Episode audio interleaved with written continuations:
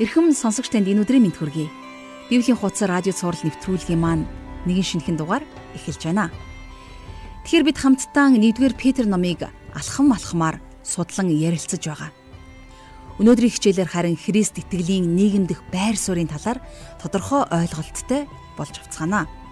Тэгэхээр олон зууны туршид Христ итгэлийг төр засгийн өмнө дуулууртай байлгахын тулд итгэл үнэмшлийг нь ашиглаж болох хүмүүсээ гэж ойлгодог байсан бид дуулууртай болон үнэнч шудраг байдал зөв хандлагыг эрхмэлдэг гэдгийг муу нэгнийг болон муу үйл явдлыг дэмжиж байдаа гэж буруу ойлгох хэрэггүй. Христ итгэлнийхний дунд маш алдартай Джон Уисли пастор хэлэхдээ жинхэнэ Христ итгэгч бол бузар нийгмийнхээ эрүүл хэсэг нь яаж байхаа мэддэг хүнийг хэлнэ гэж мэдгдсэн байдаг. Миний хувьд үнийг маш гайхамшигтай дүгнэлт тодорхойлолт гэж бодож байна.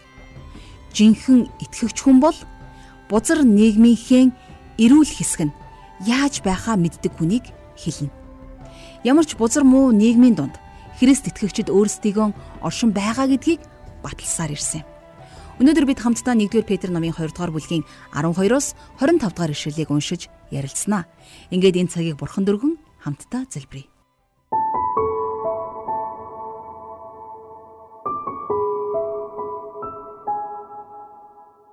Бурхан эзэн минь таньдаа энэ цагийн төлөө талархаж байна. Энэ өдөр бид таны үгийг судалж, таныг улам илүү таньж мэдхийг хүсэж байна. Бид итгэлийн амьдралдаа бусадтай хэрхэн харилцаж, тэр дунд үл итгэгч хүмүүсийн дунд биеэ хэрхэн зөв зохистой авч явах ёстойг та бидэнд ойлгуулж өгөөч. Бидний амьдрал тохиолддог гүтгэлэг доромжлол дунд ч гэсэн бид биеэ хэрхэн зөв авч явах ёстойг та бидэнд зааж өгөөч. Есүс Христийн зовлон шаналлаас үлгэр жишээ авч Таны хүслийн дагуу амьдрахад та өөрийн үгээрээ биднийг тэнхрүүлэн босгоорой. Танд талархал магтаалыг өргөж эзэн Есүсийн нэрээр залбирanгуйч байна. Амен. Ингээд хамтдаа жаргалах шийчэлд анхаарлаа хандуулъя.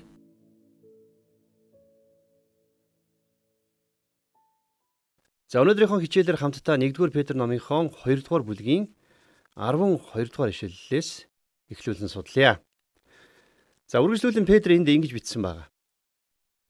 Харийнхын дунд бие зөв авч яв. Ингэснээр тэд та нарыг муу муухайг үйлдэгчид химэн гүтгэвч сайн үйлсэгч нь хараад түүний харгалзлын өдөр бурхныг алдаршуулах болно. Жинхэнэ итгэгч хүн шашинлаг байдал гаргаж өөрийгөө энэ дэлхийгээс шууд утгаар нь тусгаарлахыг оролдох ёсгүй. Харин ч эсрэгээрээ энэ дэлхийн дунд амьдрахдаа энэ дэлхийн зүйлсийг үйлдэхгүй байх нь л хамгийн чухал. А гэхдээ мэдээж зөвхөн мууг үйлдэхгүй байгаа зогсох нь өөрөө хангалтгүй. Итгэгчид бид нар өөрсдийгөө муугаас холдуулаад зогсохгүй. Бүр сайныг үйлддэг байх ёстой. Та бид нар зөв шударгаар алхаж сайн үйлсээр дүүрэн амьдрах ёстой. Итгэж та бидний хувьд хаанч байж юу ч хийж байсан өөрсдийнхөө сайн үйлс болон шудраг зан чанараар бурхан эзнээ алдаршуулдаг байх ёстой. 13-аас 14 дугаар эшлэлдэр Петр бичгтээ эзний төлөө өөрсдийгөө хүний бий болгосон альва бүтцэд захируул.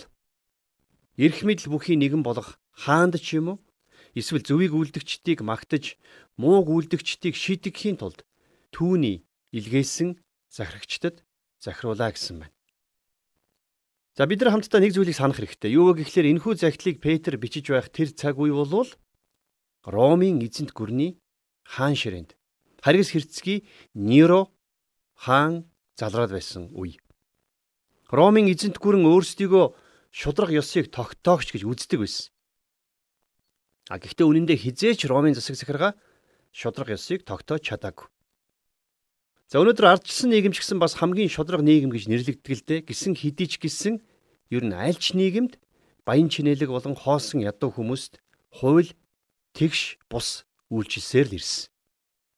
Баян чинэлэг хүмүүс хуулийн цоорхойг үргэлж олж чаддаг болвол харин ядуу зүдүү хүмүүс хизээд хуулийн хатуу хөтөөг амссаар ирсэн шүү дээ. А тэгвэл Христэд итгэгч та бидний хувьд хууль дүрм эрх мэдлийн өмнө ер нь ямар хандлага гаргах ёстой юм бэ?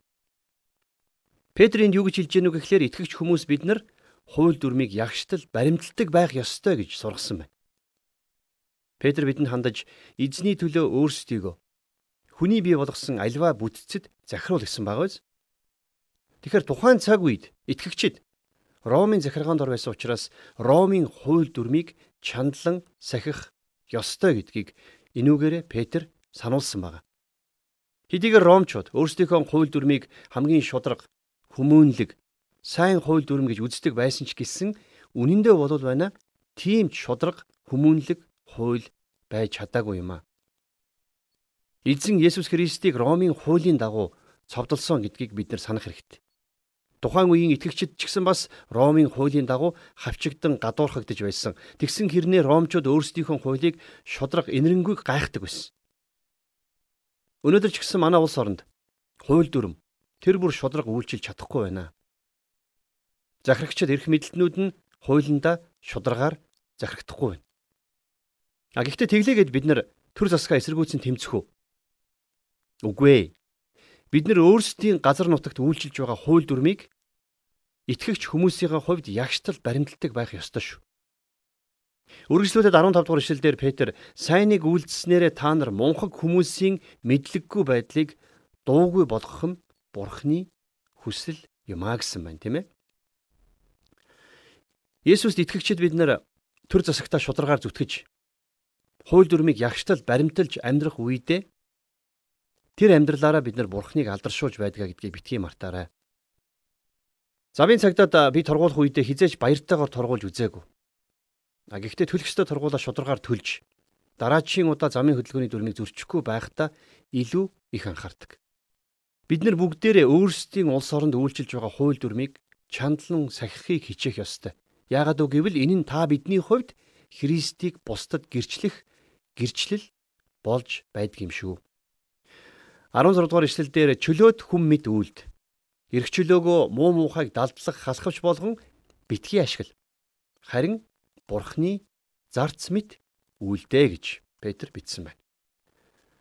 Итгэж та бидний итгэдэггүй хүмүүстэй харилцах харилцаа итгэдэггүй хүмүүсийн өмнө үлдэж байгаа үйлс нь бидний эндэр дээрээс номлосон номлолоос ч илүүтэйгээр итгэдэггүй хүмүүст Есүсийг гэрчлэх боломж бололцоо гэдгийг битгий мартаарай. Үнэн дээр итгэгч та бидний хувьд итгэгч биш хүмүүсээс ч илүү их эрх чөлөөг Бурханаас хүлээж авсан юм а. Та бидэнд Есүс Христийн дотор гайхамшигтай эрх чөлөө бий. А гэхдээ хэдий тиймч гисэн бид нар бусдын өмнө Бурхныг гэрчлэх гэрчлэлээ хамгаалахын тулд өөрсдийн идэлх зарим нэгэн эрх чөлөөнөөс татгалзахад ч гимгүй гэдгийг хэлмээр байна. Яг энд хэлсэнчлэн та бид нар өөрсдийнхөө эрх чөлөөг альва муу муухайг далдлах, халахвч болгон ашиглах ёсгүй. Нөгөө талаасаа бид нар итгэлийнхэн хувьд сул дорой ах トゥ угээ бүдрүүлэхгүй тулд өөрсдийнхөө үйлдэл үгэнд болгоомжтой хандах хэрэгтэй. Хэдийгээр бид нэр эрх чөлөөтэй боловч нөгөө талаасаа бид нар бурхны зарц гэдгээ үргэлж санаж байх хэрэгтэй. 17 дугаар эшлэлдэр бүх хүнийг хүндэл ахан дүүсийн барилдлагааг хайрл бурхнаас эмээ хааныг хүндэл гэсэн байна. Итгэгчид бид нар бүх хүмүүсийг хүн гэдэг утгаар нь харьцаж хүндэлдэг байх ёстой. Энд бүх хүмүүсийг хайрл гэж хэлээгүй. Харин хүндэл гэж хэлсэн байгааг анзаараарай. Мэдээж бид нар бүх хүмүүсийг хайрлаж чадахгүй л дээ. Зарим нэг хүмүүсийг бол бүр хизээж хайрлаж чадахгүй баг. Гэхдээ тэглээгээд бид нар тэднийг хүндлэхгүй байж болно гэсэн үг биш шүү. Тэднийг хүн гэдэг утгаар нь харьцаж хүндлэх ёстой. Энэ бол Бурхны шудраг зарчим. Дараагаар нь Ахтүсийн барилдлагыг хайрл гэж хэлсэн байна. Та биднийг бүх хүмүүсийг хайрл гэж хэлээгүй хэрнээ Ахтүсийн барилдлагыг буюу итгэгч ахан дүүсээ хайрлах ёстой гэдгийг хэлсэн байна, тийм ээ. Дараагаар нь Бурханаас имэж амьдрах ёстойг Петр сануулan бид нар амьдарч байгаа нийгэмдээ Бурханаас имэгч хүмүүс гэдгээ гэрчлэн харуулах үс амьдралаар амьдрах ёстой гэсэн үг. За эцэст нь энд Петр хааныг хүндэл гэж хэлсэн байгаа. Та биднийг захирдаг эрх мэдэл бүхий байр суурин дээр байгаа хүмүүсийг бид нар өнөөдөр хүндлэх үүрэгтэй. Магадгүй таны дэмжиж байсан хүн ерөнхийлөгч эсвэл ерөнхий сайд болоогүй байж болноо. Гэхдээ өнөөдөр ерөнхийлөгч эсвэл ерөнхий сайдын байр суурин дээр хэн сууж байгаагаас үл шалтгаалаад бид нар тэднийг хүндлэх үүрэгтэй.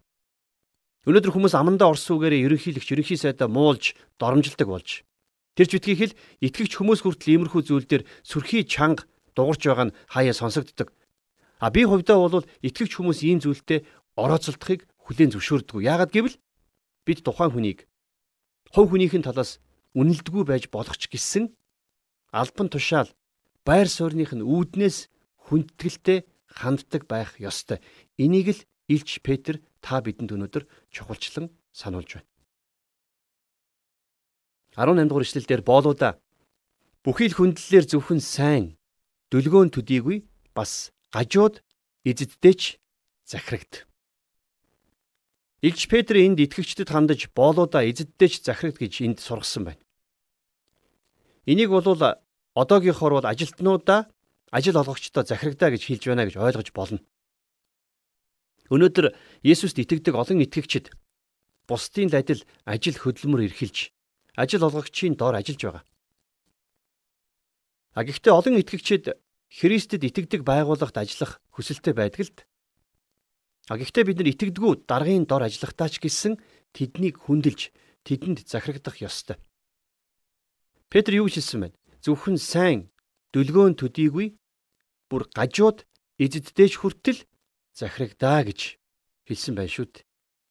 Дарагч нь танаар хууль бус эсвэл ямарваа нэгэн буруу зүйлийг хийхийг тулгаж шаардаагүй бол та түүнд дуулууртай захирагдах нь зүйтэй гэсэн зарчим Библиэд байдаг.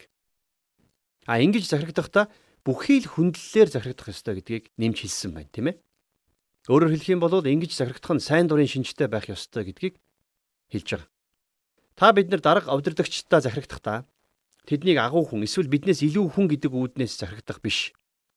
Долгонж тал засахын тулд захирагдахч биш.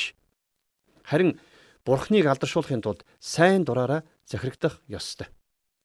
Тэгээ энэ бүхнээс харах юм бол итгэгчид та бид нар өөрсдийн ажлын талбар дээр өөрийнхөө харилцаагаар Бурхныг алдаршуулах боломжтой байдаг юм а. За үргэлжлүүлээд 19-с 20 дугаар эшлэлдэр Учир нь хүн шудраг бусаар зовхдоо бурханд ханддаг мэс чанараасаа болж төвчвөл энэ нь нэгүсэл юм. Хэрв та нар нүгэл үлдэж цохиулаад төвчлээч энэнд ямар гавьяа байх вүлээ. Харин та нар зүвийг үлдээд зовхдоо үүнийг хүлцэн төвчвөл энэ нь бурхны нэгүсэл юм а гэсэн байна. За Петр энд юу гэж хэлж байна? Петрийн энд дурдсан байгаа гавьяа гэдэг үгийг магтаал цаашаал гэж орчуулах нь илүү оновчтой. Тухайн цаг үед буруу хэрэг хийсэн боолыг зодож жанчиж шийтгдэг байсан учраас энд цохиулаад төвчлээч гэж Петр хэлсэн байна. Тухайн үед хэрвээ боол хүн худлаа ярих юм уу эсвэл хулгай хийх юм бол за эсвэл эзнээ эсэргүүцэж дуулууртаа захирагдахаас татгалзах юм бол эзэн нь тухайн боолыг нэвширтэл нь зоддог байсан. Тэгэхээр Петр энд хэлэхдээ Христэд итгэгч боол хүн энэ мэт өөрийн буруутай үйлдэлээс болоод шийтгүүлэх юм бол энүүгээр нэг их сайрхаад байх хэрэггүй гэж хэлсэн байна. Ингиж буруу хэрэг хийснийхээ төлөө шийтгүүлж байгаа бол шийтгэлийг төвчсөн ч энэ төвчээрийг бурхан үнэлэхгүй гэдгийг Петр хэлсэн байна, тийм ээ. Энийг та маш анхааралтай сонсоорой. Харин эсэргээрээ зүвийг үйлдсэн хэрнээ эннээсээ болоод зовж байгаа бол тэр зовлон төвчих үед тэр төвчээр нь бурханы сайшаалыг хүртэх болно гэдгийг Петр сургасан байна. Өнөөдөр байна олон итгэгчид өөрсдийнхөө ухаангүй мунхаг үйлдэлээс болоод өөрсдийгөө зовлонд унагадаг. Өөрийнхөө бодлогогүй хөрөнгө оруулалтаас болоод дампуурсан бизнесүүдийг би мэднэ. Өөрийнхөө бодлогогүй шийдвэрүүдээс болоод зовлон амсаж байгаа олон итгэгчдийг ч би мэднэ. Тэр бүх зовлон бэрхшээлийг тэд нэр твцсэн ч тэр твчээр нь бурхны хувьд үн цэнгүй тооцогдно. Харин Петр юу шилсэн байна? Хэрвээ та нар зүвийг үйлдээд зовх юм бол тэгэд энийг хүлцэн төвчвөл энэ нь бурхны нэгүсэл юм а гэж Петр хэлсэн байна шүү дээ. Мэдээж хин нэгэн хүн биднэрт шудраг биш хандаж биднийг шудраг бишээр буруутхан зовоох тэр үед бол бид нар хар зөнгөөрөө эсэргүүцэн тэмцхийг хүсдэг. За би ч бас энэ тал дээр дутагдaltaй хүн. Энийг хүлээн зөвшөөрье. Бид нар ер нь бүгдээрээ л мөчөөгөө өөхийг хүсдэггүй шүү дээ. Тэр тусмаа зөвийг үйлснийхээ төлөө буруудах үедээ бол бид нэр бүрч илүү бухимддаг. А гэхдээ Библиэлд бидэнд юу гэж сургаж байна гэж? Зөвийг үйлснийхээ төлөө хавчигдж доромжлуулж дарлагдсан ч гэсэн эсэргүүцэхгүйгээр эдгээр зовлон төвчин өнгөрүүлж сурах ёстой гэдгийг л Библи бидэнд сургаж байна.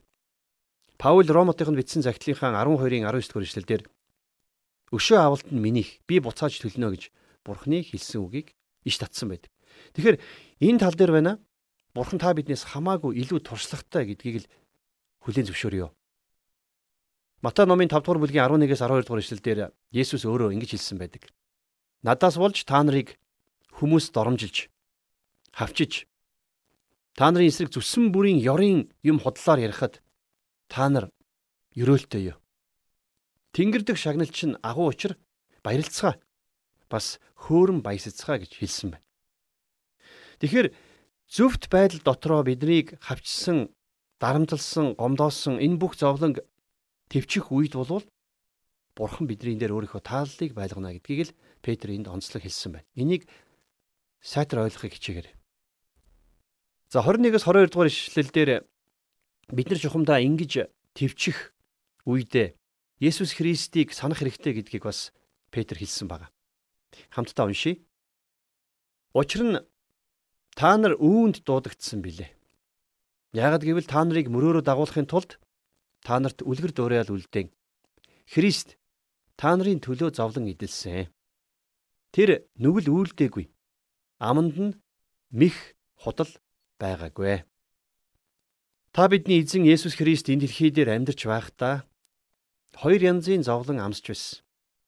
За нэг талаас бол Есүс энэ дэлхий дээр хүмүүн болон мэндэлснийхэн хувьд энэ дэлхий дээр зөвхт амьдралаар амьдрсныхаа төлөө зовлон эдэлж байсан.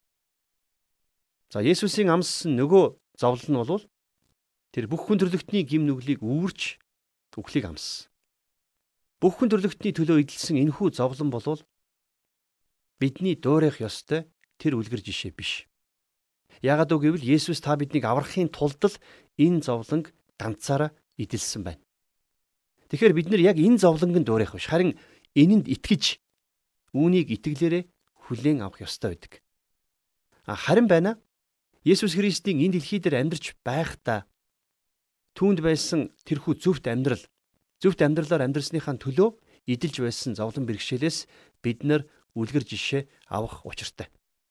Есүс Христ энэ дэлхий дээр амьдарч байхдаа зөв шудраг байсныхаа төлөө олон удаа доог тоху үл ойлголцол гадуурхлын бай болж байсан шүү дээ. Дуулал номын 69 дэх дуулал дээр энийг зураглан харуулсан байдаг.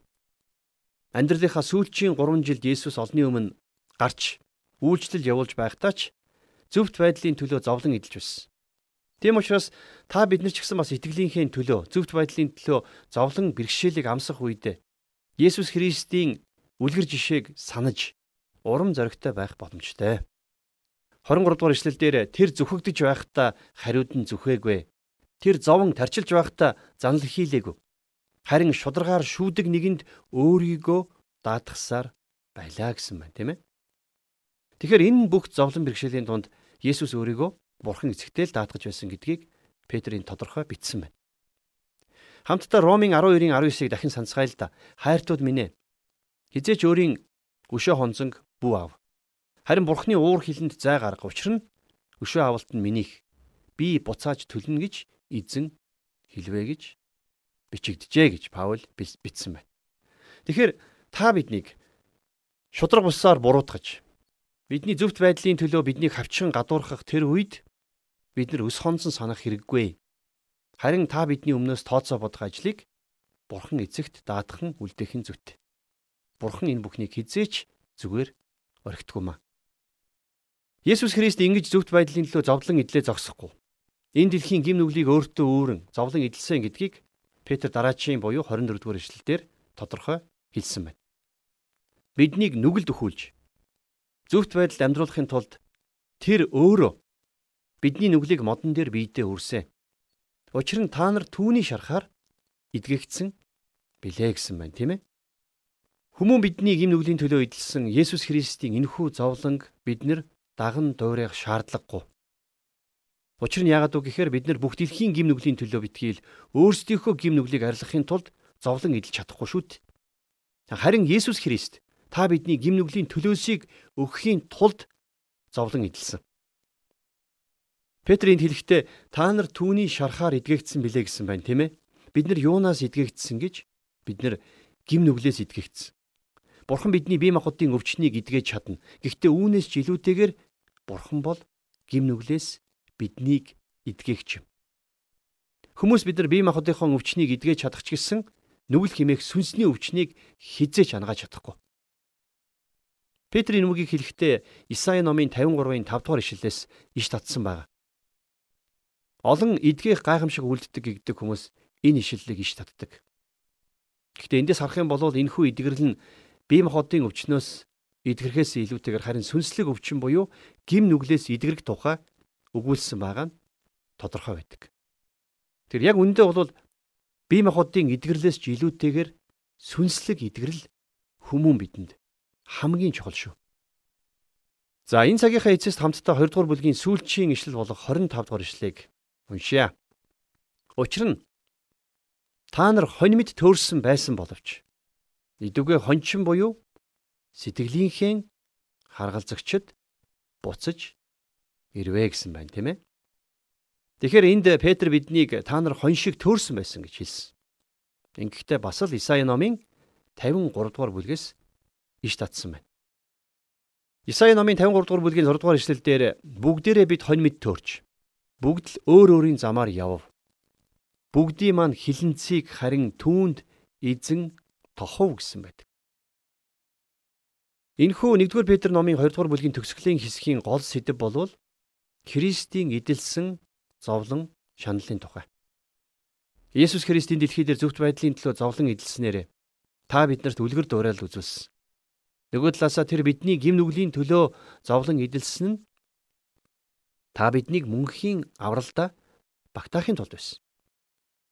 Есүсийн энэ бүх гайхалтай үйлсийн улмаас өнөөдөр бид нар яг энд бичсэнчлэн идүүгээ бид нар хончин буюу сэтгэлийнхээ харгалзагчд буцаж ирсэн байна.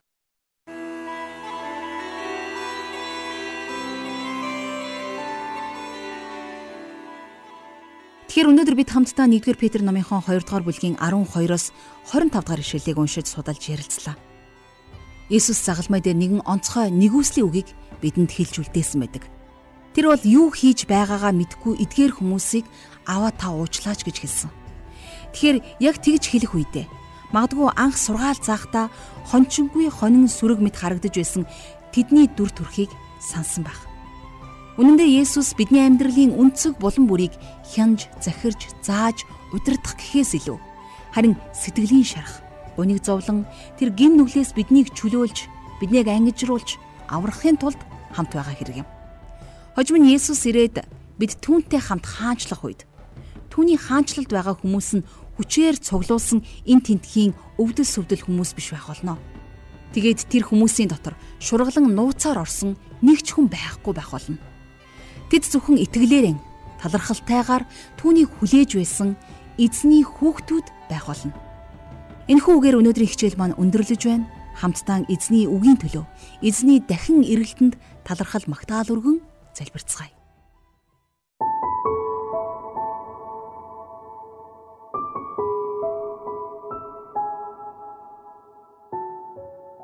Хайртай бурхан минь таньда талархаж байна. Иесус Христийн эдэлсэн зовлон шаналнгаар дамжуулан биднийг тэрүүн хончин болох Есүс Христөд дуудсан Бурхан минь танд бид алдар магтаалыг өргөн залбирч байна.